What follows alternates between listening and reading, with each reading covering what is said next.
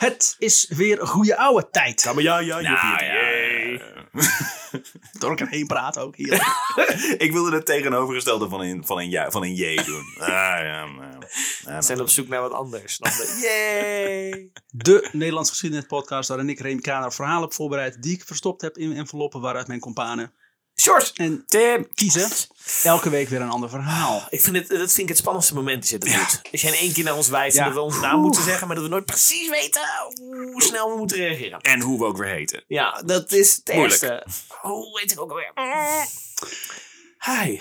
Oké, Ja. ik moet het gewoon weer uitleggen. Wie doet de huishoudelijke mededelingen? Dames en heren, als je deze podcast nou regelmatig luistert, je bent fan, je denkt, hoe, hoe kan ik deze podcast beter maken? Hoe, wie ben ik als burger, als, als leek, om me hierin te mengen? Wat kan ik doen voor deze jongens? Nou, het maken van een podcast eh, kost helaas geld. Eh, en eh, daar kun je ons mee helpen met vriend van de show. Niet vrienden van de show. Dat zou gek zijn. Als je dus zo Zou heel gek zijn. Nee, vriend van de show. Gekke. Maar we hebben eigenlijk maar één vriend van de show. Ja. Op dit moment En dat is Ruben. Ruben voorbij. Hey. Eh, maar, eh, lieve mensen, wij hebben, zijn op meerdere social media platformen te vinden. Namelijk op eh, Facebook, op eh, Twitter zitten we, op Instagram. Ja, Remy kijkt heel moeilijk op Twitter. Ja, dat klopt. Volgens mij doen we er niet zo heel veel mee. Maar we zitten er wel op. We zijn er. Ehm, volg ons en, eh, en eh, ook al heb je geen geld om ons te helpen, dan zouden we alsnog heel erg gebaat zijn als je ons gewoon deelt eh, via de alle mogelijke platformen. Ja. Laat weten, laat ons horen dat je bestaat, want we vinden het sowieso heel erg leuk om van jullie berichtjes te horen, om te weten wat jullie de tofste verhalen vinden die we tot nu toe verteld hebben. Of als je zelf een verhaal, een idee hebt of wat dan ook, laat ons weten dat je luistert. Dat vinden wij alleen maar fijn om te horen. Dat klopt, dankjewel. Ehm nou, vorige week hebben we natuurlijk eh, Bram Grisnicht eh, verlaten. ja. Toen hij, Hoe is eh, het met Bram? Toen hij eh, van de boot op Engels grondgebied eh, liep. Ja. Bram, en je de kort Kees vertellen? en de Pieten. Ze resumeert, eh, Bram, Bram wist op hele jonge leeftijd al van ik wil het. Ik wil, ik wil tegen de Duitsers vechten. De Duitsers zijn hier, ben ik geen fan van. Ze zegt ik ga naar Nederlands-Indië. Nou, dat is mislukt. Ja, toen is hij met, met Dick is hij, is hij van, van Nederland, wilde hij naar Marseille gaan fietsen. Ja. Met een bosatlas. Met een bosatlas. Eh, en, en na een aantal vervelende Franse boeren, leugenachtige Franse boeren, is hij eh, gestrand in Toulouse. En eh, eh, En uiteindelijk met heel veel omzwervingen naar, naar fucking Amerika en Curaçao. Is hij dan eindelijk in Engeland gekomen en Ja. mag hij zich eindelijk aansluiten bij het Ja. eh, Wat Nederlandse eigenlijk? leger. Dat weten we nog niet, daar zijn we. Hmm. nee, hij moest naar Canada. In Engeland mogen de Engelandvaders, zoals de groep Nederlanders worden genoemd, kiezen bij welk onderdeel ze willen dienen. Hmm. Kees van der Does, Hebben jullie een eet- en slaapkorps? Want daar is daar is Bram heel goed in. ja, dat is dat, het land Engeland. is dat. Kees van der Does, de man die Bram kent van zijn tijd in Frankrijk, die daar een kok was, kiest voor de RAF. En komt in het eh, 322 Dutch Squadron terecht. Oké. Dit squadron is een initiatief van prins Bernhard. Vanwege de vele aanmeldingen van de Engelandvaders bij de Britse RAF. eh, Kees wordt daar boordschutter. En sneuvelt in de strijd tegen de Duitsers. Ah. Dat was In- heel snel. IJmuiden, IJmuiden wordt er een straat naar hem vernoemd. Oh joh. Dat was Kees. Hmm. Dat was Kees, Kees de Kok. Die, Kees de Kok. Met, met wie hij in, in de Pyreneeën Dat hele eh, poep naar de, naar de appelboom heeft staan gooien. Ja, die, ja. die, die nobele held. Die, Ja. ja. maar is- daar is nu straatnaam naar vernoemd. Hoe, weten- hoe krijgen jullie je appelsieder zo? Wat is ja. die bijsmaak? Heel, heel erg aardachtig. Ik weet niet. Wat ik grappig vind is dat, dat die man een held is gestorven. En dat wij, dat wij het vooral hebben over het feit dat hij ooit eens in Ja. krant heeft gepoept. Ah, dat is. Ja, zijn echt verschrikkelijk. Comedy. Denk hierna op eh, 4 en 5 mei. Wanneer komt deze ook weer uit? Niet op 4 of 5 Niet, niet op 4 en 5 mei. Dan is iedereen dit hopelijk weer vergeten. Ja. Tenminste, ons vergeten. Jij bent blij dat dit niet wordt opgenomen. Godzijdank, nee. Nee, we nemen wel op. Het is wel fijn dat Remy dat toch even controleert voor de Ja. zekerheid. Dat is wel eens misgegaan. Ja. Heel veel afleveringen die we opgenomen, die zijn nooit echt eh, Dit opgenomen. is aflevering Ja. 75. Is eigenlijk. Ja. Poging 75. Bram en eh, Piet kiezen voor de commando's. Ze hebben gehoord dat dat een en al actie is. Ze dachten dat is naakt in je... Ja, dat is het. Dat Nee, bleek dat heeft, hij, dat heeft niks mee te maken, Nee. Bram. Oh, niet? Oh. Ja, ik heb een al Oh, ingeschreven. Oh. laat. Sinds eh, de Nederlandse regering in Londen zit, proberen ze al enige tijd een inlichtingendienst op te zetten. Met name met het doel om informatie uit Nederland te verzamelen. Zo bedachten Bob van der Stok en Erik Hazelhoff Roelfsma, Hey, soldaat van Oranje. Dat is de soldaat van Oranje. die dus we toch? kennen als de Soldaat van Oranje, Contact Holland. Waarbij ze, de, waarbij ze geheime agenten met zendapparatuur op Nederlandse stranden afzetten, stranden afzetten, om die vervolgens later weer op te pikken. Maar dit plan faalt. En ze krijgen de juiste, eh, eh, ze krijgen de juiste informatie, ze krijgen niet de juiste informatie door, ook wordt het steeds moeilijker om aan land te gaan. De Duitsers zijn namelijk begonnen met de bouw van een Atlantic Wall, waarmee ze een eventuele invasie aan de Nederlandse kust willen verweren. Dus dat strand wordt gewoon continu in de gaten houden. Ja. Nee, het echt over zeemijnen en eh, dat soort dingen. Ja, maar ook gewoon patrouilles langs Ja, ja, eh, het strand. In het voorjaar van 1942 werd Contact eh, Holland weer opgeheven. Een nieuwe inlichtingendienst, de CID, Centrale Inlichtingendienst, stuurt vanaf eh, november 1941 agenten per vliegtuig naar Nederland. Maar via een infiltrant, die we nu kennen als Johnny de Droog, zijn de Duitsers ook deze agenten op het spoor. Dit is Oh. echt onze MCU-aflevering. Waar is Nick Fury? En worden die eigenlijk gelijk gearresteerd. Dus wordt er een nieuw plan bedacht. En daarmee ook een nieuw bureau. Het Bureau Inlichtingen, dat het BI. Het BI dat nauw samenwerkt met de Britse Secret Intelligence Services, de SIS. Hm. De opdracht luidt: het inwinnen, verzamelen en doorgeven ter bevoegder plaatsen van alle inlichtingen, welke van belang zijn voor de handhaving van de rust en de veiligheid van het koninkrijk. Dat was eerst de titel ook. dat, nee, Nee, dit nee, eh, is niet heel pakkend. De oorlogsvoering en de daaruit voortvloeiende deelneming aan de geallieerde oorlogsvoering. Is dit nog steeds de titel? de, de beschrijving? Ja. Jesus. Als mede voor de voorbereiding tot het eroveren van het Nederlands grondgebied. en het herstel en het behoud van het wettige gezag. Daarover. Wauw. Dat is trouwens de opdracht en niet de titel. Nee, goed, oké. Maar dat was de, de lang. ondertitel. Ja, Dat stond, dat stond op mijn visitekaartje. Ja. drie keer omdraaien. De rand ook helemaal nog niet is geschreven. Hoe kan dat? De leiding van de BI komt in handen van kapitein Jan Marginus Somer. En als opleidingsofficier neemt hij Gijs de Jong aan. Die eerder les heeft gegeven op de Koninklijke Militaire Academie. De Jong moet de nieuwe agenten werven, de tactiek uitstippelen en de codenamen bedenken. De zojuist gearriveerde Engelandvaarders vormen uitstekende kandidaten. Mannen zoals Bram en Piet. Bram wordt dus een geheim agent. Een, eh, een spion. Mag, mag ik een codenaam pitchen? Onnozel. Agent Poepkant. Kom op. Agenten. Bram wordt dus geheim agent. Hij wordt spion. Hij wordt spion van Oranje. Spion. Dat is, dat is een sle- slechte codenaam. Spion Ja. van Oranje. Ja. Bram kiest als schuilnaam geen eh, ag- agent Poepkrant, maar Oh. Kees Koster. Nee. De man Oh. die het geld heeft opgehaald. Als, eh, als, als eerbetoon. Als, Ja. Oh. eh, Het is een schuilnaam in Engeland. Nee, maar dus niet, niet, niet die Kees die is overleden. Dit was Nee, dat is Kees, Kees die van der Vries die eh, geld Ja, verdiende. ja, daar, heeft hij zich naar vernoemd. Ja. de vraag is, is dat een goed idee? Dat je een naam kiest die al bekend is. Van- ja, ja. vind je raar. Van iemand die nog leeft? Ja, ik weet het niet. Maar dit is een, naam, zijn schuilnaam in Engeland. Als ze op, op opdracht gaan, krijgen ze nieuwe namen. Oké. Piet kiest voor Remy. Jan Post. Ze mogen niet meer praten over hun werk met mensen buiten de BI. Ze zullen worden gehuisvest in een speciaal door de BI aangewezen landhuis in West Dulwich. Iets Engels, ik weet het Oké. niet. Dulwich. 12, kil- ja, 12 kilometer ten zuiden van Londen. Afgesproken is dat ze op een bepaalde datum, op een bepaalde tijd afspreken op het Victoria Station onder de grote klok. Op perron de 13 en een derde. Moet ik ontploffing? Ja, ja. ja. Het kan- dit hoor je waarschijnlijk niet op de podcast, maar vuurwerk. dit is hier nog, eh, we zitten nog ergens begin Oud en januari. nieuw aflevering, Dus, d- er werd hier nog ergens een hele harde eh, vuurwerk eh, knallen. Maar de jongens hebben dus afgesproken op een bepaalde datum, op een bepaalde tijd, eh, onder de grote klok van het Victoria station. Ja, station 13 en derde zijn. Ja. Het is interessant dat je dat nog een paar keer benoemt. Ja. Bram is wel eens te laat voor dingen namelijk. Die slaapt graag, Mm. weten wij. Daar ziet Bram een oude bekende. Waaronder een eh, Henk. eh, daar, daar ziet Bram oude bekende mensen staan. Waaronder een Henk Lettenboer, die ze nog kennen uit Canada. Oké.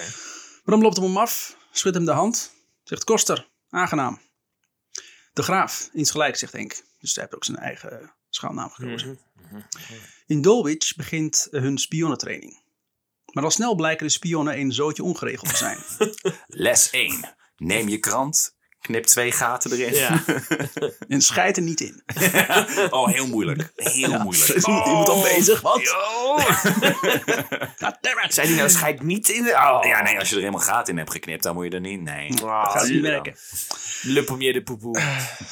Zo is, de, zo is er eerst een officier die hen eh, in het geheel, gereel moet houden. In het Dickinson.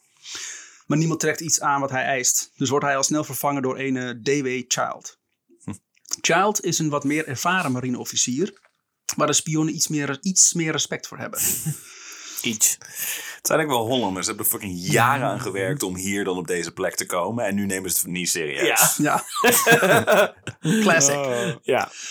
Bram en, loser. Bram en Piet eh, delen een grote slaapkamer. En ze worden in het huis waar ze zitten, hebben ze ook een huishoudster. Die elke ochtend vraagt hoe ze hun eieren willen hebben. Oh, Net al, nice. Je weet... Nee, wat is een eieroorlog? Ja, met splinter saus en Dat is een patotje oorlog, maar dan met eieren. Bram eh, bestelt elke dag een full English breakfast. Dus eh, bacon, eieren, sausijzen Had ik ook gedaan. en tomaten met toast en marmelade. Oh, heerlijk. Dan om eh, 8 uur pakken ze de trein naar het hebt Victoria Station. Om vervolgens met de metro naar Sloane Square te reizen. Ze drinken dan nog vaak even een snel een kopje koffie in het ABC-café. Eh, samen met een goede boterham met kaas, want ze beginnen een beetje honger te krijgen. Ja, snap ik. En dan bevinden ze zich naar het opleidingscentrum op eh, Hans Place. Hier leren ze coderen en decoderen en leren ze de morstaal.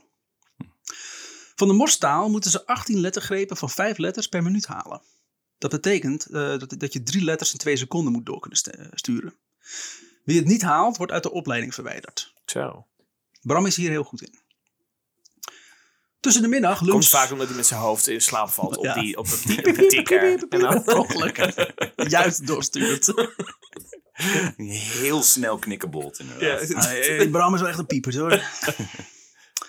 Tussen de middag lunchen ze voor 2,5 shilling in de buurt. Want eigenlijk gaat het helemaal over eten. Ik wou zeggen, inderdaad. In de avond vertrekken ze weer naar huis. Waar de huishoudster dan het avondeten klaar heeft staan. Gewoon oorlog, gewoon oorlog. Je hebt oorlog, toch? Zo, eh, zo zo moeilijk gehad in dienst. En dan na het eten gaan ze meestal naar het- het dorp in. En de achterblijvers leggen een, in de lounge een biljartje of spelen een potje tafeltennis. Bram gaat vaak eh, met Piet het dorp in, waar ze hun tijd en geld spenderen in de pub The Grove. Om 12 uur s'avonds moet iedereen weer binnen zijn. Maar niemand houdt zich hier aan. De, Ze hebben over gescheiden. ja, Vooral aan kranten. De huishoudster moet dan ook de voordeur op slot doen. Maar voor de nachtbrakers legt ze altijd een sleutel onder de mat. Voor. Nachtbrakers is letterlijk in dit geval. Ja. Dus ze legt dus een sleutel onder de mat. En dan staat er ook een schaal met sandwiches klaar. Jezus. Zij is mijn favoriete personage in deze in dit verhaal tot nu toe. Ik vind haar te gek. Hoe heet Die ze? jongens Hebben werken een ook naam? hard. Zij heet, ze heet Anne. Oh, heet ze, ja. maar ik heb het verder niet genoemd. Die jongens werken ook hard. Ja. Ja. Ze hebben het ook gewoon Die, veel mo- te die, die, doen. die, die morsknop die ze in moeten drukken. Ja. Continu die koffie die ze morsen. Child wil dat de mannen wat meer doen aan hun conditie. Omdat ze allemaal roken als een ketter. Hij is hij en bang. vreten als een beer. ja, is hij bang dat van hun conditie niets terecht komt. Ja, maar de bacon en de sigaretten die heffen elkaar op, hè. Ja, Dat is heel goed. dat is het gerookte bacon. Is dat. Balans. Dus die- Daarom wil hij dat de mannen zich elke dag verplicht komen melden om een stuk te hardlopen. Dat doen ze niet. Maar niemand doet dat. God, Natuurlijk niet. Nou, ik niet verwacht. Ja, dan moet je verplicht melden. Doen we niet. Oké. Nou niet. Dan moet je opdrukken. Nee. Ah, ook ze heel eng. Oh, terrorist hoor. Ja, uh. Nee, maar dat moet. Oh, ja, oh, oh, oh, oh. Twijfelend Engels. Oh, ja, je daar- zei, je zei morsecode. Ik dacht, je zei mosterd. Ja, die heb ik gehaald. Die heb ik gehaald. Ze leren er verder nog uh, parachute springen. Het afschudden van, afschudden van achtervolgers. Ik ga heel snel naar beneden. Ja, ja twee Ik wel. zie Die- echt, ik zie echt obese spion nu voor me. Die gewoon valt uit het vliegtuig. Jij bent van de opleiding afgegooid. Hij is dood. Oh. dus, eh, het afschudden van achtervolgers. Eh, militaire objecten observeren. Ik zie alleen maar dikke spionnen. Het klinkt echt inderdaad als een, eh, een hele slechte Eddie Murphy film of zo. Eh, de Spy. of zoiets. Ja, Mike Myers. Ook krijgen Bram en Piet de opdracht om als oefening ergens in Londen een woord te seinen. Piet seint de letters K, Eten. Oh, L, O, O, T. kloot. Om te kijken of er misschien Nederlanders aan de andere kant van de lijn zitten. Als ze terug zijn op de centrale, krijgen ze, krijgen ze op een flikker. En er wordt vriendelijk verzorgd nooit meer van dit soort grappen uit te halen. De What? Duitsers luisteren wellicht. what's a clute? What is that? A it all about? A clute is a hoot. Harry Potter. I believe it's some kind of bird. I say. Liverpool kwam weer terug. ja. Wordt hun vriendelijk verzocht niet meer van dit soort grappen uit te halen. De Duitsers luisteren wellicht ook mee. En het is niet de bedoeling dat zij denken dat we het spionnenwerk niet serieus nemen. Fucking Engelsen. British. You're embarrassing us in front of the Germans. Ja. Don't embarrass us in front of the wizards. Ja, de Duitsers ook meeluisteren en denken... Ah, de singles. Nou, daar hoeven we sowieso nooit meer op te letten. Kom jongens, we gaan ze onderschatten. Gaan jullie nog mee naar de Starbucks? Ja, goed, oké. Das Starbucks. Daarnaast leren ze man-tot-man gevechten. Hoe ze iemand van achteren mo- eh, moeten pakken en een mes in hun hart moeten planten. Het is gewoon een beetje Police Academy dit. Ja. is die dude die geluidjes maakt ook. Ja. Ja, Winslow. er wordt geoefend met vuurwapens. Hoe je met een spiegeltje moet schieten en die achter je rug om. Ja, ja. Hoe ze zich in het donker moeten gedragen. Door bijvoorbeeld een luciferdoosje ergens in een hoek te gooien. Als de tegenstander dan zijn wapen afvuurt in die richting, dan weet de BI-agent door de flits waar die zich bevindt. Dat is goed dat ik dat nu weet. Ja. Op 23 maart Het 1903. gaat jouw leven ingrijpend veranderen, Sjors. Absoluut. Op 23 maart 1943. Eh, Oorlog is bijna voorbij inmiddels. nou, even op ja, elkaar. 1946 zijn ze er eindelijk. Maar nu? Oh. zijn Ar Arnoud Bergman en Piet Gerbrands aan de beurt om een sprong te maken boven Nederland. Maar het is mistig en die piloot kan de landingsplek niet vinden. En dit is de, de Piet, want er waren twee Piet inmiddels. Dat is Eh, een andere Piet. Dit is de, niet zijn beste maatje Nee, Piet. zeg maar. die heet Piet Hoekman. Dit is Oh ja. Piet Gerbrands. Oké. Piet G. Oh ja. Piet G. Maar het is mistig en die piloot kan de landingsplek niet vinden. Na een paar keer draaien worden ze begroet door, een, door de mitrailleurs van een gealarmeerd Duitse nachtjager. Oef. Ja. Bergman wordt uh, doorzeefd door kogels. Mm. Nog voordat hij de vliegtuigen eh, uit is überhaupt. Ja. Ja. En de piloot probeert een noodlanding te maken in de buurt van Dinkhuizen. Maar landt met een klap op het water. De piloot en uh, Gerbrands klimmen op een vlot. Maar door de mist kunnen ze niet zien dat ze maar enkele kilometers verwijderd zijn van de kust. Ja. De volgende ochtend worden ze opgepikt door een vrachtschip. En worden ze overgeleverd aan de plaatselijke politie. En die, wachten op de Du- eh, en die vallen dan wachten op de Duitsers. Ja. Maar Gerbrands wacht dat niet af en vlucht eigenlijk gelijk. Ja, die ding wegwezen. Als je die kans krijgt, Ja. dan dat, dat overleef je nooit. dit. Henk Lettenboer is de volgende van Brams groep die terug naar Nederland gaat. Hij wordt gekoppeld aan Garald Andreas van Borsum Buisman. Garald. Is die van Adel of zoiets? Ja. Die, ja, kan eigenlijk niet anders. Dat was ook die, een van die kerels die in Canada ontmoet. toch? Garald is in 1915 in Haarlem geboren. En tijdens de meidagen van 1940 eerste luitenant bij de Huzaren. Hey, met een salaatje. Ja, lekker, lekker, lekker. Hij is een echte heer om te zien. En hij heeft een opvallend uiterlijk. Zijn enorme hu- huzaren snor helpt daarbij. Gemaakt van aardappel. Ja, en, en een stukje augurk. Aardappelsnor. hey, vecht het eens weg, man. Jezus. Ja. Potato. Ah. Gerald meldt zich in de begindagen van de oorlog aan bij de OD, de Ordendienst. Maar wijkt begin 1942 uit naar Engeland. Als Pieter Jacob Six, hoofd van de Nederlandse Ordendienst Londen via een omweg laat weten een dringend, eh, een dringend direct contact met Engeland te willen, hebben ze Gerald uitgekozen voor deze missie. Hij kent Six inmiddels goed. De OD is, de, is Nederlands oudste en belangrijkste verzetsorganisatie. En voor Londen is het onduidelijk wie nu aan de top staan. Nadat er in 1942 een groot aantal leden zijn opgepakt en gefusilleerd. Maar hoe? Wa- Ja. waarom? Johnny de Droog. Ja, fucking Johnny de Droog.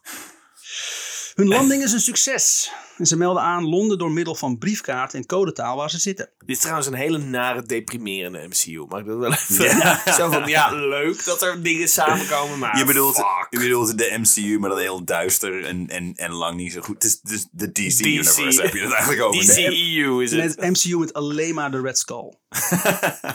Iedereen is de Red Skull. Iedereen is Red Skull. Baron Zemo. Lekker, lekker. Nerds. Ja, Hun landing, is een, eh, hun landing is een succes. En ze melden aan Londen door middel van briefkaart en codetaal waar ze zitten. Gerald zit in Meppel. En eh, Henk zit in Almelo. Ameloe. Almelo. Het lukt eh, Gerald om contact te, krijgen, te maken met Six. En samen met zijn hulp zetten ze zendgroep Barbara op.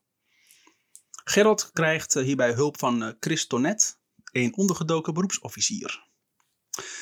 De uit Den Haag afkomstige Tonet, geboren in 1902, heeft als springruiter aan drie verschillende Olympische Spelen meegedaan. Zo.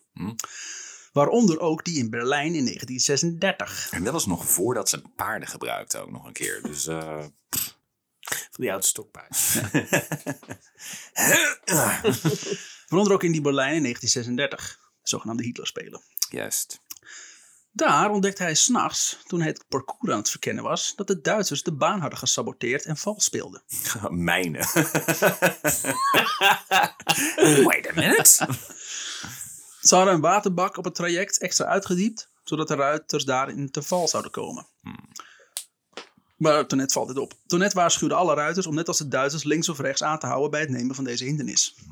Goeie zaak. Held. Bram en eh, Piet kregen te horen dat zij de volgende zijn die gaan springen. Op Nederland. Op de paarden. Ja. Ja, Met paarden en al. Links aanhouden. een kutplan. Nee, komt goed, komt goed. Na een eh, briefing te hebben gehad op het hoofdkwartier.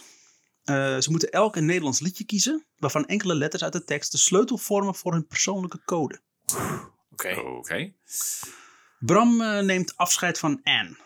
Een meisje die hij heeft leren kennen sinds, sinds zijn tijd in Londen. Niet, niet een, een werkster. Een andere Anne. Andere. En kent hem eigenlijk alleen maar onder de naam Kees Koster. Bram belooft haar dat hij snel weer zal terugkeren. En dan, op 19 september 1943, is het tijd om te springen.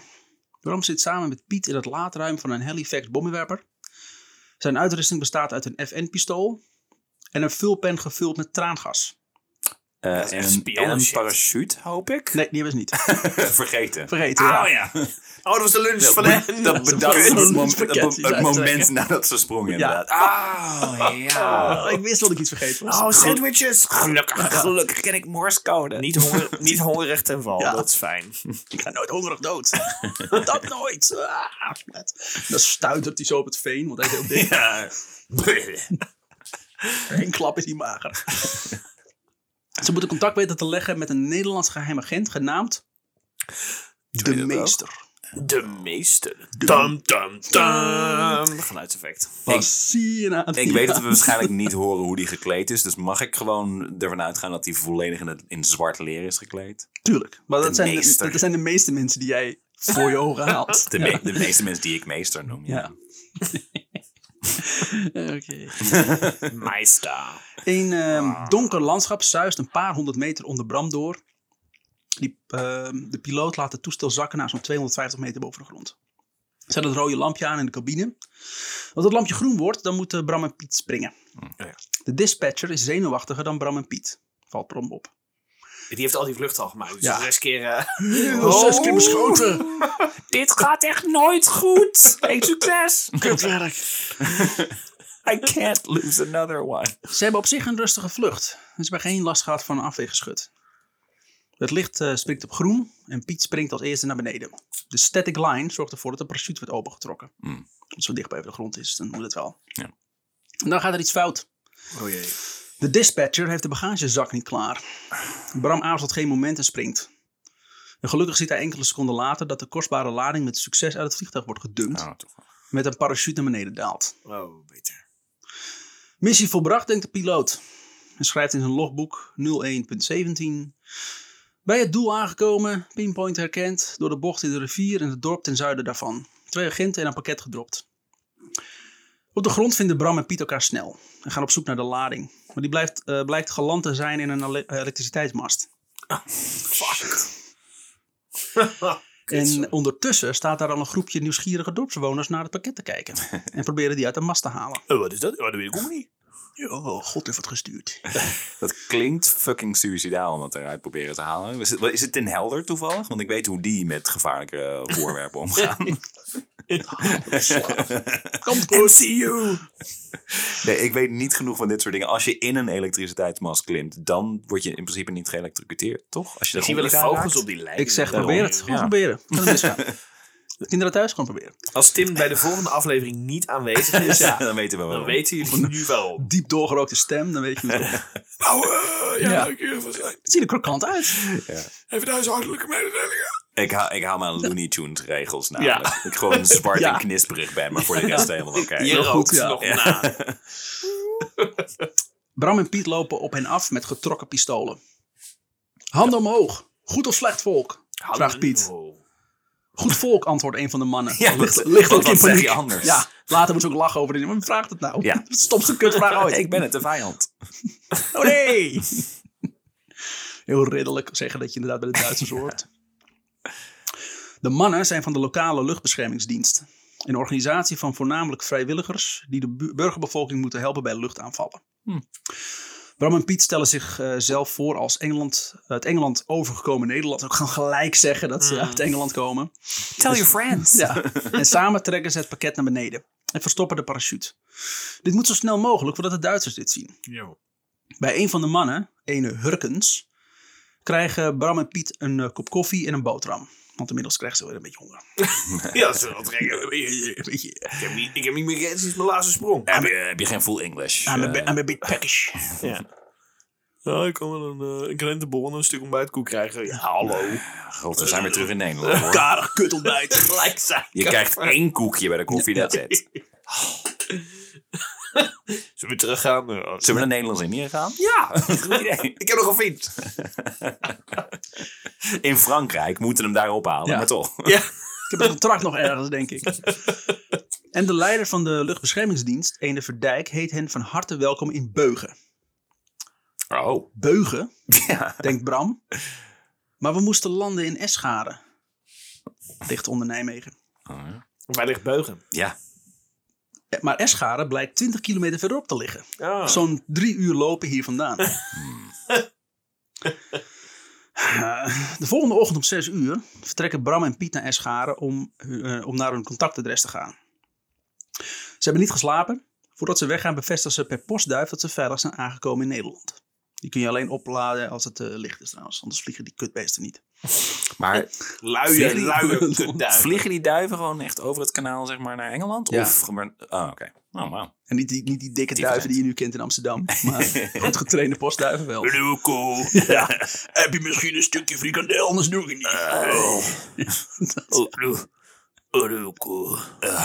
Oh, ik ben kapot. Dat hij alleen inderdaad het woord roekoe kan zeggen. Klaar. Lo- Roe eh, wordt vervolgd. Ah, fantastisch. Ze nemen alleen de kleine koffertjes mee met de zendapparaten. De grote koffers, waar onder andere het pistool en de vulpen met traangas in zitten, laten ze achter op het adres. In dit land vol vijanden. Laten we de wapens Ja, ja. achterlaten. Ik hoop dat die mensen wel hebben gezegd, ik zou die pen niet gebruiken trouwens. Ja. Just... Hij is machtiger dan Als je zwaard. niet, als je niet weer even schudden, Ja. erin kijken, komt goed. Ik word heel emotioneel van deze pen.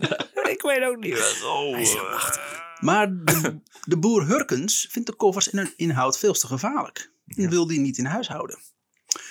Dus Bram en Piet eh, geven de plek door waar ze ook hun parachute hebben verstopt. En Hurkens verstopt daar in de struiken de twee koffers van Bram en Piet. Super slim. Later die ochtend fietst ene Mina van Kempen naar haar geiten verderop in dat weiland. Als ze de zeer slecht verstopte hey, koffers. koffers en parachute in de bosjes ziet liggen. ligt, ligt ook één tak op of zo. Weet je. Ja. En een bord. Kijk Gewoon ergens op, de, op de weg ook. ja. Ja. Neonbord. Neonbord. Hier liggen geen koffers. Ja, niet, niet naar kijken. Niks te vinden. Niks te vinden. ja. Omdat Mina's broer naar Engeland is gevlucht, denkt ze dat de koffers van hem zijn en neemt alles mee. Het is ook een fucking kutreden. ja. Er zit een mooie pen in. Ja. Een buurman ziet Mina slepen met de spullen en weet van Bram en Piet en probeert het nog uit te leggen aan Mina. Maar Mina is een kuthoer en weigert de spullen terug te leggen. Zelf gevonden. Ja. Hey, eh, eerlijk is eerlijk. Als ze later thuis de koffers opent, schrikt ze zich wezenloos van de inhoud. Jezus, En Mina. verstopt de pistolen in haar fornuis. Ook verstoppen, niet teruggeven. Nee. Ah, In het, in het fornuis. Ja. Wat kan er nou fout gaan? Ja, hè? Als ik deze vuurwapens op die plek stop die tering heet Ja. wordt. Gewoon in het fornuis stoppen. Nou, eventjes een kop koffie zetten hoor. Ja, gooi. Zo'n raar ochtend gehad. Ze de Duitsers vinden het hier nooit, tenzij ze toevallig iets met ovens hebben. Maar daar weten we niks van. Bram, en, Bram en Piet zijn inmiddels gearriveerd in Escharen. En eh, kloppen aan bij het huis van wachtmeester Beuvink, het contactadres. Zijn vrouw doet open en ze stellen zich voor met een codenamen. Samen met de zin, mogen we de hond Herta zien? Dat was de codezin. Goeie zin. Eh, ja, binnen wachten ze op Beuvink. Als die dan eindelijk er is, zijn ze alle drie opgelucht en beginnen aan het middageten. Eetstijd. Ja, Hey, maar dat is een wat, belangrijke zaak. hè? wat voor ras was, was Herta precies? Was het was het een, een Een Duits. cocker spaniel? Of een, eh, ik ben heel erg benieuwd. Ja, Was hij gehoorzaam? Was hij goed getraind? Duits herder. Oh ja. Oké. Ehm, dat vragen ze ook erachteraan. Mogen we de hond herder zien? En trouwens, wat is, wat is een ras eigenlijk? Uh, dat hebben ze niet bijgeteld in Engeland. Wat nou een code in, dames en heren? Ik bedoel, ze hebben ons helemaal hier naartoe gestuurd vanuit Engeland om deze hond te zien. Dit moet echt een fucking bijzondere hond zijn, ja. Het is goed dat we die, eh, die onnozele act nog steeds door kunnen zetten. Na het, Bram en Piet zijn trouwens uitgehongerd, dus eh, dat, dat middageten Uiteraard. is eh, lekker. Het was alweer, het was alweer minuten geleden dat ze hadden gegeten. Na het eten stelt Beuving voor om naar, naar Beugen te gaan. Om de achtergelaten bagage op te halen. Maar ja. Dus ze springen op de fiets. Aangekomen in Beugen en op aanwijzingen van Harkens gaan ze op zoek naar hun spullen. Die niet op de afgesproken plek liggen, want fucking Mina. Kut, Mina. Jeetje Mina. Dat, ja, dat is- Ondertussen is het in huizen Mina niet echt gezellig. Omdat de man van Mina enorme ruzie heeft met haar. Omdat wat zij gedaan heeft gevaarlijk is. Dit is genoeg om voor worden opgesloten. Eh, de ruzie wordt gestaakt omdat er wordt aangebeld. Hmm, afmachen. Het is eh, Verdijk, de buurman die eerder nog Mina, Mina erop wees dat, die, dat dit niet haar spullen waren. Hi, weet je nog wat ik zei? Ja.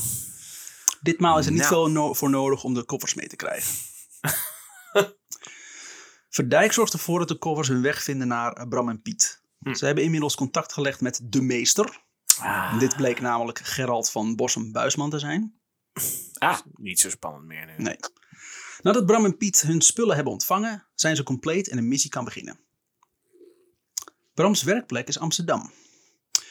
Hier moet hij berichten van de OD verzenden naar Engeland. En ook berichten uit Engeland ontcijferen voor het OD. Bram is hier samen met Piet en eh, Gerald een week na de grote en laatste razzia gearriveerd. Tienduizenden mensen, waaronder de Joodse Raad, zijn afgevoerd naar kamp Westerbork. En vandaan naar werkkampen in het oosten. Niemand weet nog dat die kampen eigenlijk massavernietigingskampen zijn. Nee. Dus uh, Truus van Zuiderlink. Ja. Gerald, sta, eh, Gerald stelt Bram voor aan Tonet, die zich voorstelt als buurman. Het is eigenlijk jammer dat ze niet buurman en buurman waren. Nu de buurman en de meester. De meeste kans. dat was de werktitel.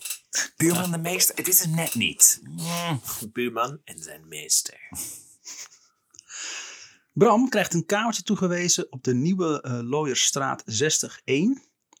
Tussen de gedempte Vijzelgracht en de Reguliersgracht. Hmm. De bewoonster, bewoonster is Miep Schrikkel. Een alleenstaande hoogopgeleide vrouw van in de 40. Haar vorige huis is verwoest door een bom. Miep werkt als koerier voor de OD en heeft een goede baan als secretaresse. Overdag is ze nauwelijks thuis. Piet heeft elders in Amsterdam een onderkomen. Vanwege de veiligheid vertelt Gerald eh, niet aan Bram waar Piet zit en vice versa. Maar Piet heeft er scheid aan en zoekt Bram al snel op. Samen spreken ze ook af met Henk Lettenboer, die sinds augustus ook een zendadres in Amsterdam heeft. Dat, dat is, mag dus eigenlijk niet. Dat je drie geheime agenten continu bij Ze elkaar hebben zitten. nul discipline. hè? Ja, gewoon Ja, overal fucking scheid aan. doen. Ah, joh, wat kan er nou fout Ja. gaan? Gaan ze zo oppakken en in een kamp zetten. Nee, dat doe je nooit. Bram, die net als iedere andere Engelandvaarder gedropt is met, met zakgeld, heeft zo'n 3000 gulden op zak. God damn. Zo. Die bij het eerste contact met de OD gelijk wordt opgeëist. Maar Bram doet alsof zijn neus bloedt. Hij zegt dat hij niets weet van dat geld. Godsamme. Hij wil die 3000 gulden niet afgeven. Hij heeft het zelf nodig voor onkosten. Ja, En in Engeland is er niks gezegd dat hij dit moest overhandigen. Ik moet toch eten? Ja, Maar veel ook. Ja. 3000, ik bedoel 3000 gulden, dat is, dat is, dat is zo vijf maaltijden. Ja. zeker. En een fiets. En een halve Die, eet, tas. die eet hij ook op. Dit, eh, Spuugt hij een fietsspel uit. Ja, ja, van die spaken tussen zijn tanden. Dit irriteert de ordendienst nogal. Ja. En beginnen Bram niet gelijk tegen te werken. Maar meewerken doen ze al helemaal niet. Maakt geen vrienden bij de mensen waar die vrienden bij moeten Nee, zijn. hij maakt geen vrienden met zijn, met zijn werkgever. Ik wacht heel erg op het moment dat hij een soort van oorlogsheld wordt. Maar tot nu toe heeft hij nog niks echt voor de oorlog gedaan. Nee. Nou, hij gaat nu net werken. Dat is het. Hij is er net. We zijn, we zijn halverwege. Hij, ja, hij, is, hij heeft nu ruzie gemaakt met, eh, met zo, de geallieerden. En we zijn drie jaar verder. Oké, maar nu? Nu? Over een jaar is de oorlog voorbij. Bram is niet tevreden over zijn zendadres in Amsterdam. Hij vraagt al weken om een ander adres. Het is hier veel te opvallend. Oh, oké. En hij heeft dat hij zeikt over het eten of zo. ik moet heel veel op. Niks. En hij heeft geleerd nooit lang op hetzelfde zendadres te blijven werken. Uiteindelijk word je namelijk uitgepeild. En uiteindelijk is de boom eh, buiten je slaapkamer. Er zit gewoon vol met poep. het is tijd om te verhuizen. Dat valt op. Dat valt het meest op van alles. Het uitpeilen van, het, van, van de radiosignalen en natuurlijk dat er zo'n berg Hoe, her- eh, hoe herkenden ze die Duitsers toch? Zijn, zijn verzetskrant ook nog een keer. Ja, shit. Ja, stom. Achteraf, hè. Dat is achteraf. Overal scheid aan. Maar de ordendienst doet extreem lang over het zoeken van een nieuw adres. Bram denkt eh, dat dit komt omdat hij het geld niet wil afgeven. Dus vertrekt hij op eigen houtje richting Zeist, naar zijn pleegouders. voor, Voor Bram, ja. Deze zijn eh, blij om hem te zien. En het huis van zijn adoptieouders gebruikt hij nu ook af en toe als een zendadres. Dit vinden ze niet erg. Ze zijn juist blij eh, om hem weer te zien. Bram is niet de enige die klaagt over de zendadressen. Ook Henk Lettenboer heeft moeite met het krijgen van nieuwe adressen. Dus hij heeft ook maar op eigen houtje een nieuw adres gezocht. En gebruikt ook, hij ook de huizen van kennissen eh, in Delft en Amersfoort. De zijn... Want daar zoeken ze ons nooit. Ja. Bij, bij onze vrienden en familieleden. Ja, maar ze weten niet, ze, ze kennen die mensen niet. hè? Nee, dat is ook weer zo. Ten, tenzij er eh, iemand binnen het verzet eh ontzettend Johnny veel de informatie verzamelt over iedereen. Ja. Ja, dan heb je een groot probleem. Mhm. Wanneer, wanneer gebeurt dat nou? ja. Ja. Kan me niks meer voorstellen. Oh yeah, Johnny Drive. Ja, dat je, dat, zo, dat je ook binnenkomt. Ja, dit is je oom eh, Gerard uit het oosten. Hoi, ik ben oom Gerard. Niet. Hallo. Zeg, eh, Deze kun- snor is echt. kun je deze eens. Anja praten over... eh, Oh, eens even. Ik heb goede ouwe geluisterd. Dit kan niet. dat ook, ja. Radio Oranje. Het is weer goede oude tijd. Ja. Met Remy, Tim en George. Nou, De seintoestellen waarmee ze werken zijn niet groot. En passen vaak in een binnenzak. Piet heeft door de verslechterde toestand in Nederland inmiddels een tyfushekel gekregen aan de Duitsers. Maar dat had hij ervoor ook al. Dat Dus hoop nog ik. meer. Dat was toch een beetje Ja. de hele premise van dit verhaal. Bram voelt dit niet zo. Ja, de Duitsers moeten Nederland uit, maar haten, dat woord kent eh, Bram niet. Wat? Hij is niet heel, Ja, is heel committed aan het hele proces, hè? Zo is hij niet opgevoed. Als Bram zijn eh, vriend uitzwaait op station Amsterdam Centraal en eh, Piet in de deuropening staat van de al rijdende trein, probeert een Duitse militair nog even aan boord te springen. Maar Piet trapt de soldaat zo van de treden terug het perron op. Lekker onopvallend spionnetje. God. Na deze laatste ontmoeting in Amsterdam spreken ze af om naar Eschade te gaan. In Amsterdam komen ze nauwelijks de straat op en daardoor vervelen ze zich helemaal de tering. Hun leven bestaat nu uit seinen, coderen, decoderen en slapen. Weet het. En het eten valt ze tegen in Amsterdam. Ah, ik ben maar de hele tijd dingen voor het leger aan het doen. Het eten valt ze tegen en er is zo weinig van. Ze missen het goede Brabantse leven. Met name de spek met eieren van mevrouw Beuvink. Ja, snap ik. Ze spreken, ze sturen een brief en ze spreken af dat ze daar van 6 november tot 8 november mogen blijven. Daarna moeten ze weer weg. Want Ze kiezen dit adres puur uit op eten. Ja. Gewoon puur op, kan ik daar veel vet Eten. vreten. En die mevrouw Beuving mag er ook best wezen. Als er maar geen hongerwinter aankomt. Dat zou... Ja, dat is echt vervelend zijn voor hem. Nee, daar zit ik niet op te wachten. Ze verblijven van 6 no- eh, november tot 8 november. Daarna moeten ze weg, want de familie Beuving heeft het druk. Die nacht zijn eh, twee andere agenten van de BI geland. Microfotograaf Marinus Sijmen Verhagen. Het is gewoon een heel klein fotograafje. Ja, zo'n. Hallo! Johnny? Kerlik! En wilt u een glans of mat? eh? hij, moet ook, hij moet ook fysiek op de, de, de, de knop eh, springen. springen. Ja. En zijner Jan Hendrik Diesveld. Alle twee bekenden uit Londen. Ook bij de dropping van Jan en Marines ging van alles mis. Die piloot kon vanwege de dichte mist hun pinpoint niet vinden. Die mist is toch echt een probleem? Of, ja, de mist of de piloot. Ja. Het zijn Britse piloten, die zijn ook geen mist gewend inderdaad. Ja, nee, Wat is dit nou?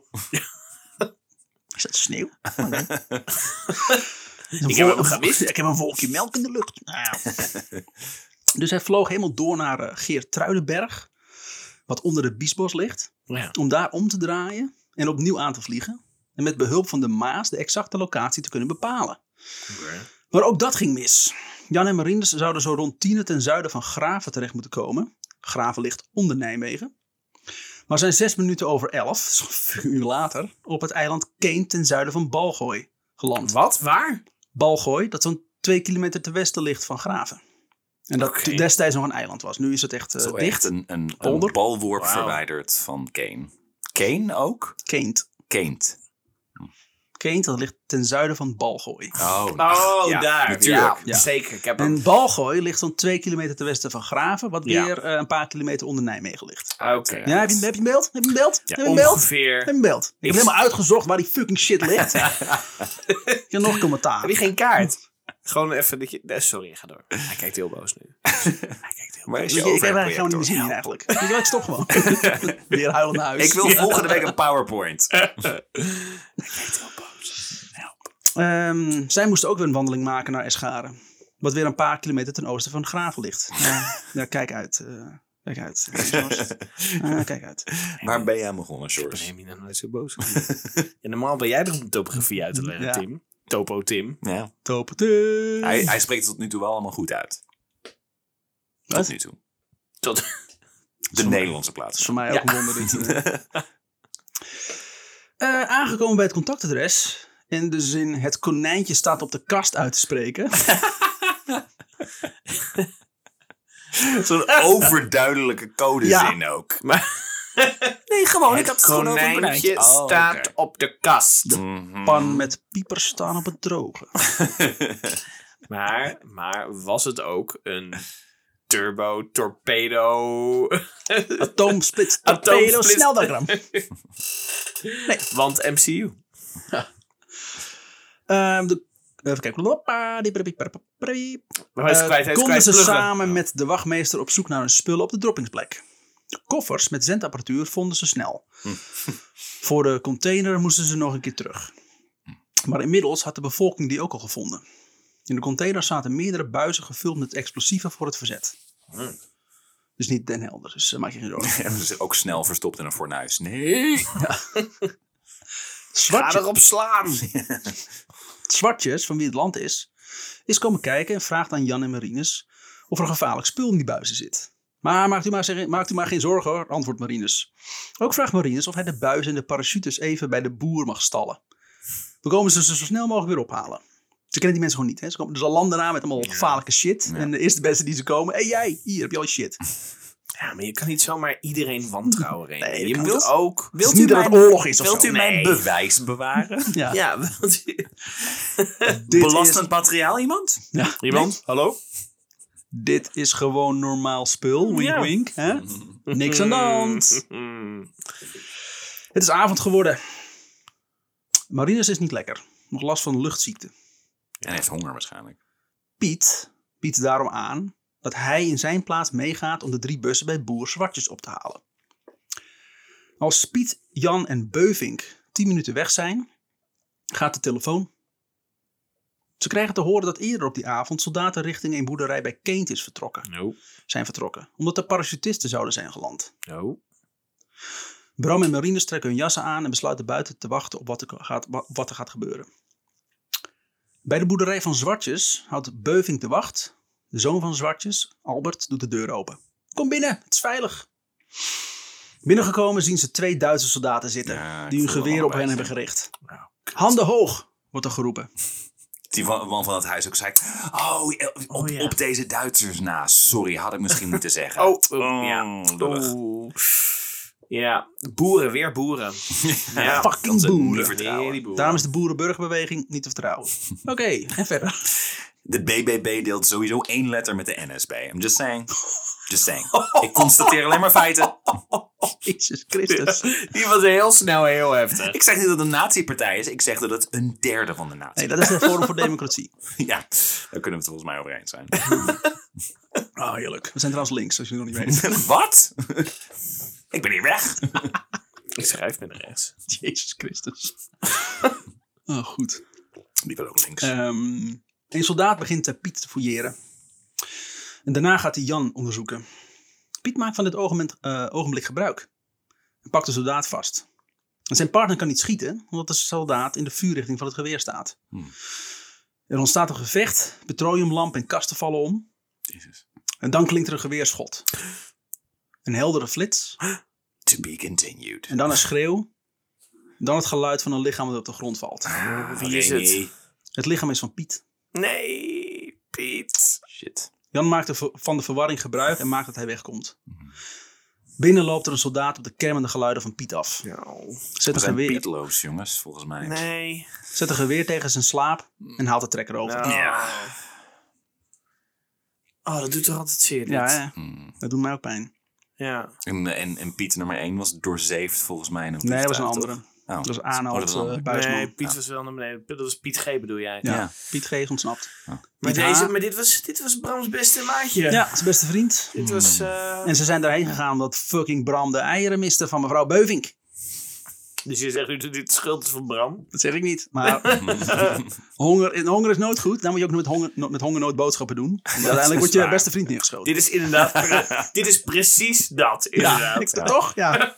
Hey, jij hebt die eieren niet gehad, Remy. Je weet het niet. Nee, dat klopt. Oh, maar ik vind het toch... Dat is ja. kut, hè? Ja, Ja. het, is, het is... Ik voel dit altijd echt alsof je een film aan het kijken bent... en een persoon waar je, waar je van houdt wordt neergeschoten. Ja. Dat is dit. Het is gewoon... Nee. Om half tien zien Bram en Marines de wachtmeester op de fiets aankomen. Oh. Hij meldt de jongens dat ze verraden zijn en als de sodomieten weg moeten. En moeten onderduiken bij het pastorie.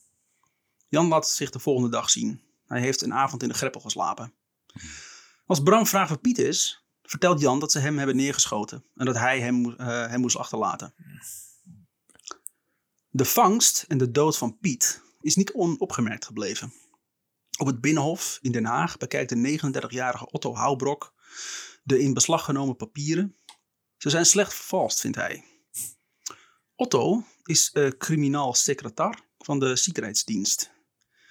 Eerder dat jaar hebben ze een vrouw gearresteerd die allemaal papieren en pasfoto's bij zich had. En Otto herkent het gezicht van Piet. Hij neemt zijn bevindingen eh, naar zijn baas Jozef Schreider eh, en zegt: Ik denk dat we iets groots op het spoor zijn. Bram is op weg naar Amsterdam.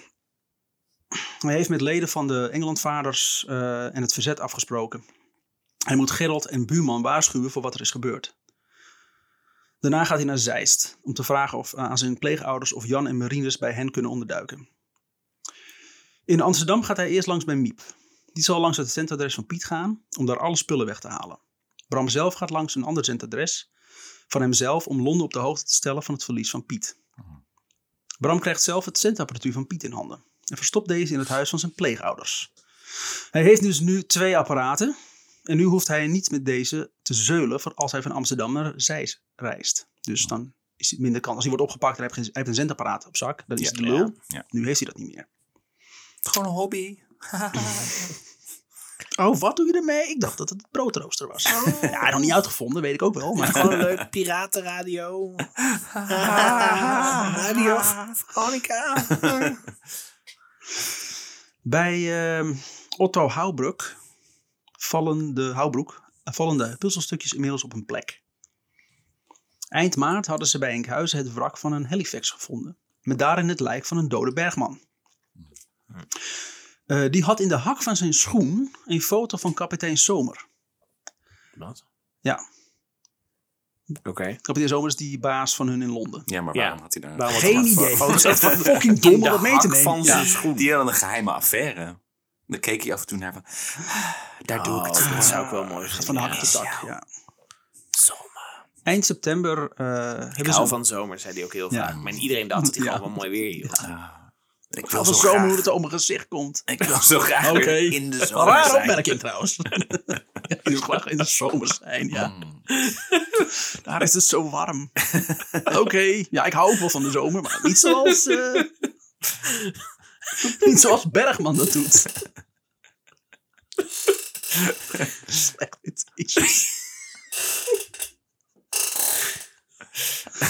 En de lente, nou heb je iets met de lente? Nee, ik, ik hou niet zo van seizoenen. Het is raar dat hij dat zegt, toch? Vind je niet raar dat hij dat zegt? Rare man. Zegt perfect, perfecte spion. Oké, die had dus een, in, zijn- in de hak van zijn schoen een foto van kapitein Zomer. Eind september hebben ze een koerier opgepakt, een Nel Lind. Die had allerlei foto's en papieren op zak. Van waarschijnlijk van alle in Nederland actieve spionnen. Die maakte waarschijnlijk de, de persoonsbewijzen. Is het Nel? Is het rode Nel? Nel Lind. Nel Wind. Geen idee, nooit uitgezocht. Van de 14 gedropte agenten in 1943 zijn er eind van het jaar 11 actief. Piet Hoekman en Arnoud eh, Bergman eh, zijn gesneuveld. En agent Jos van Alebeek, eh, agent Jos van Alebeek, die in de nacht van 8 en 9 oktober 1943 landt, kwam midden in een Duitse oefening terecht. Zo, dat is Dat is kut. Hoort bij de oefening. Hoort bij de oefening. Oh, dat is echt ongemakkelijke Ja. timing. Jezus. Ja, het is niet mistig. Er zijn overal van die lampen opgehangen. Nou, dan we makkelijk landen. Oh, Dat, dat, vliegtuigje ook landt. Zo. Gooi bijna mijn bier om.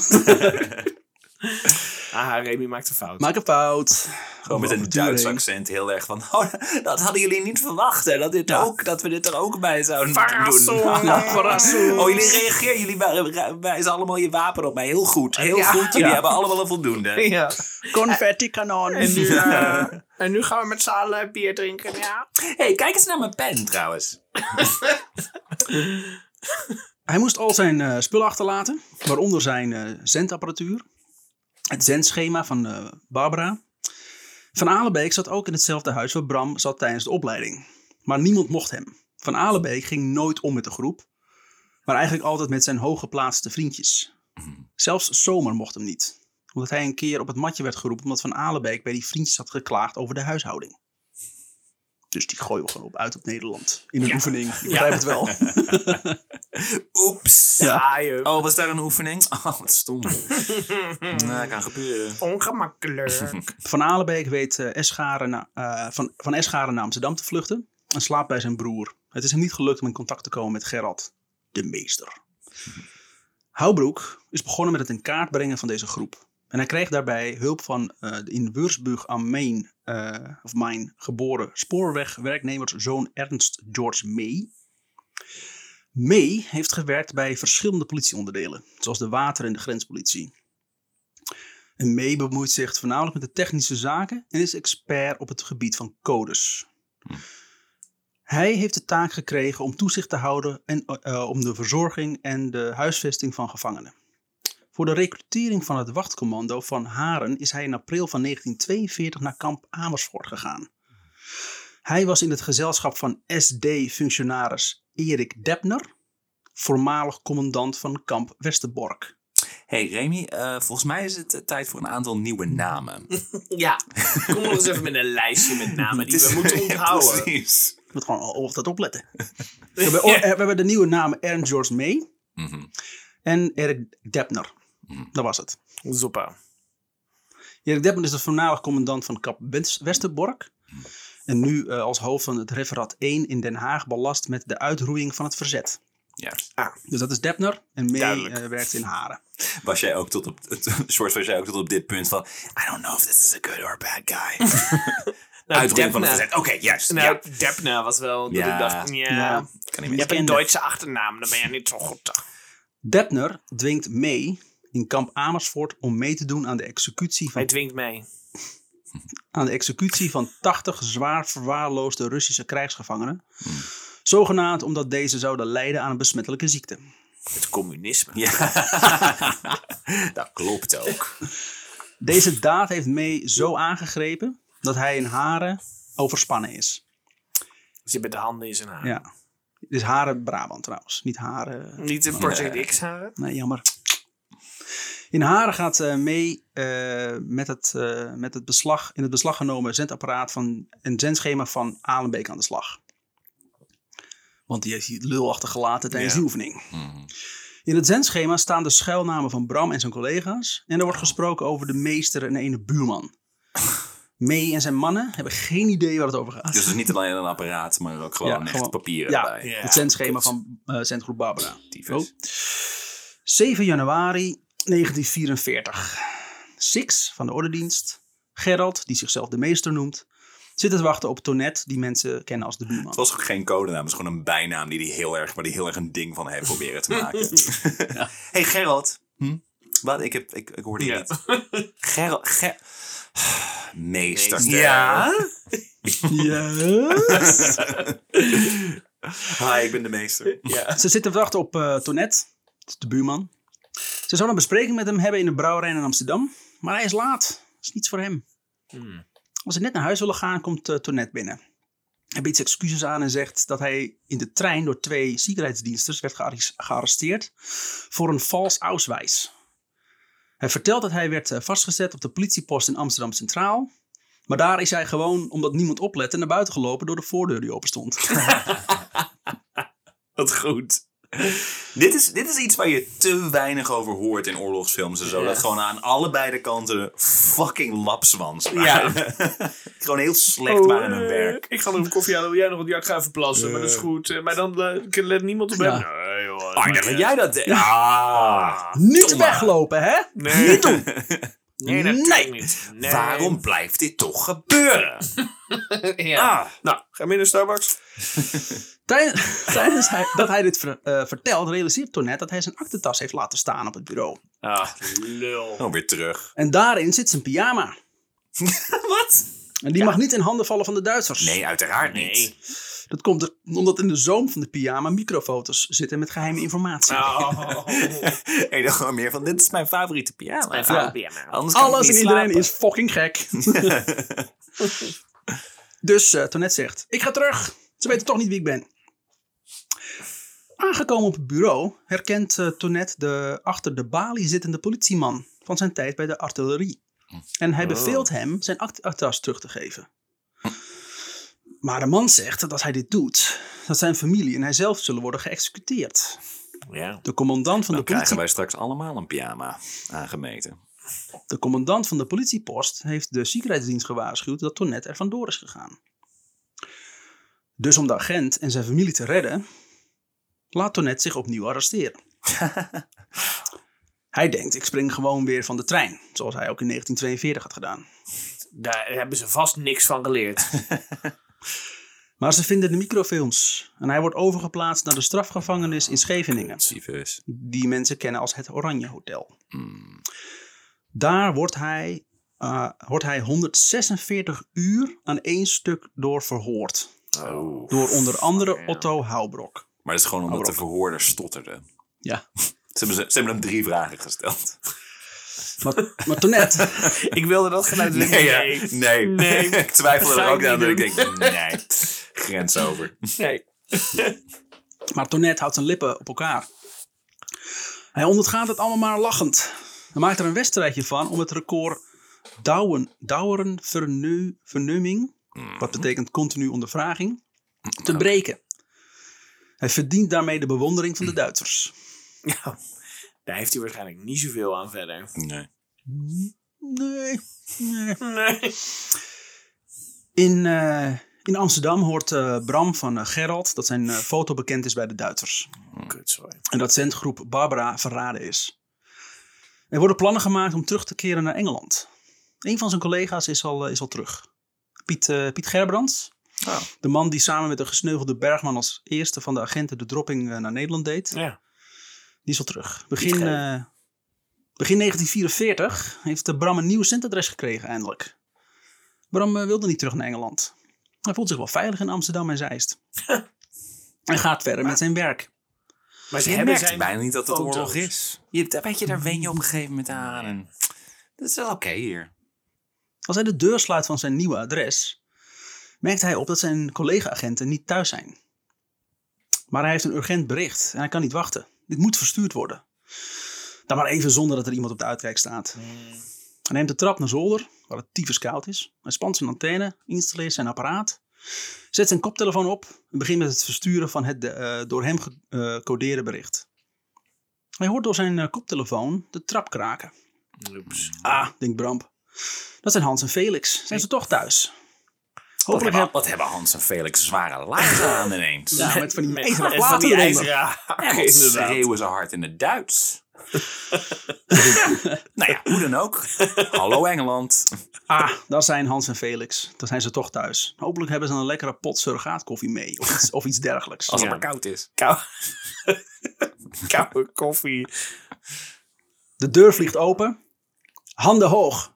Sicherheidspolizei. Ja. 1 april. Einde deel 2. Oh. Je wil een cliffhanger eindig jij. Zeker, ja.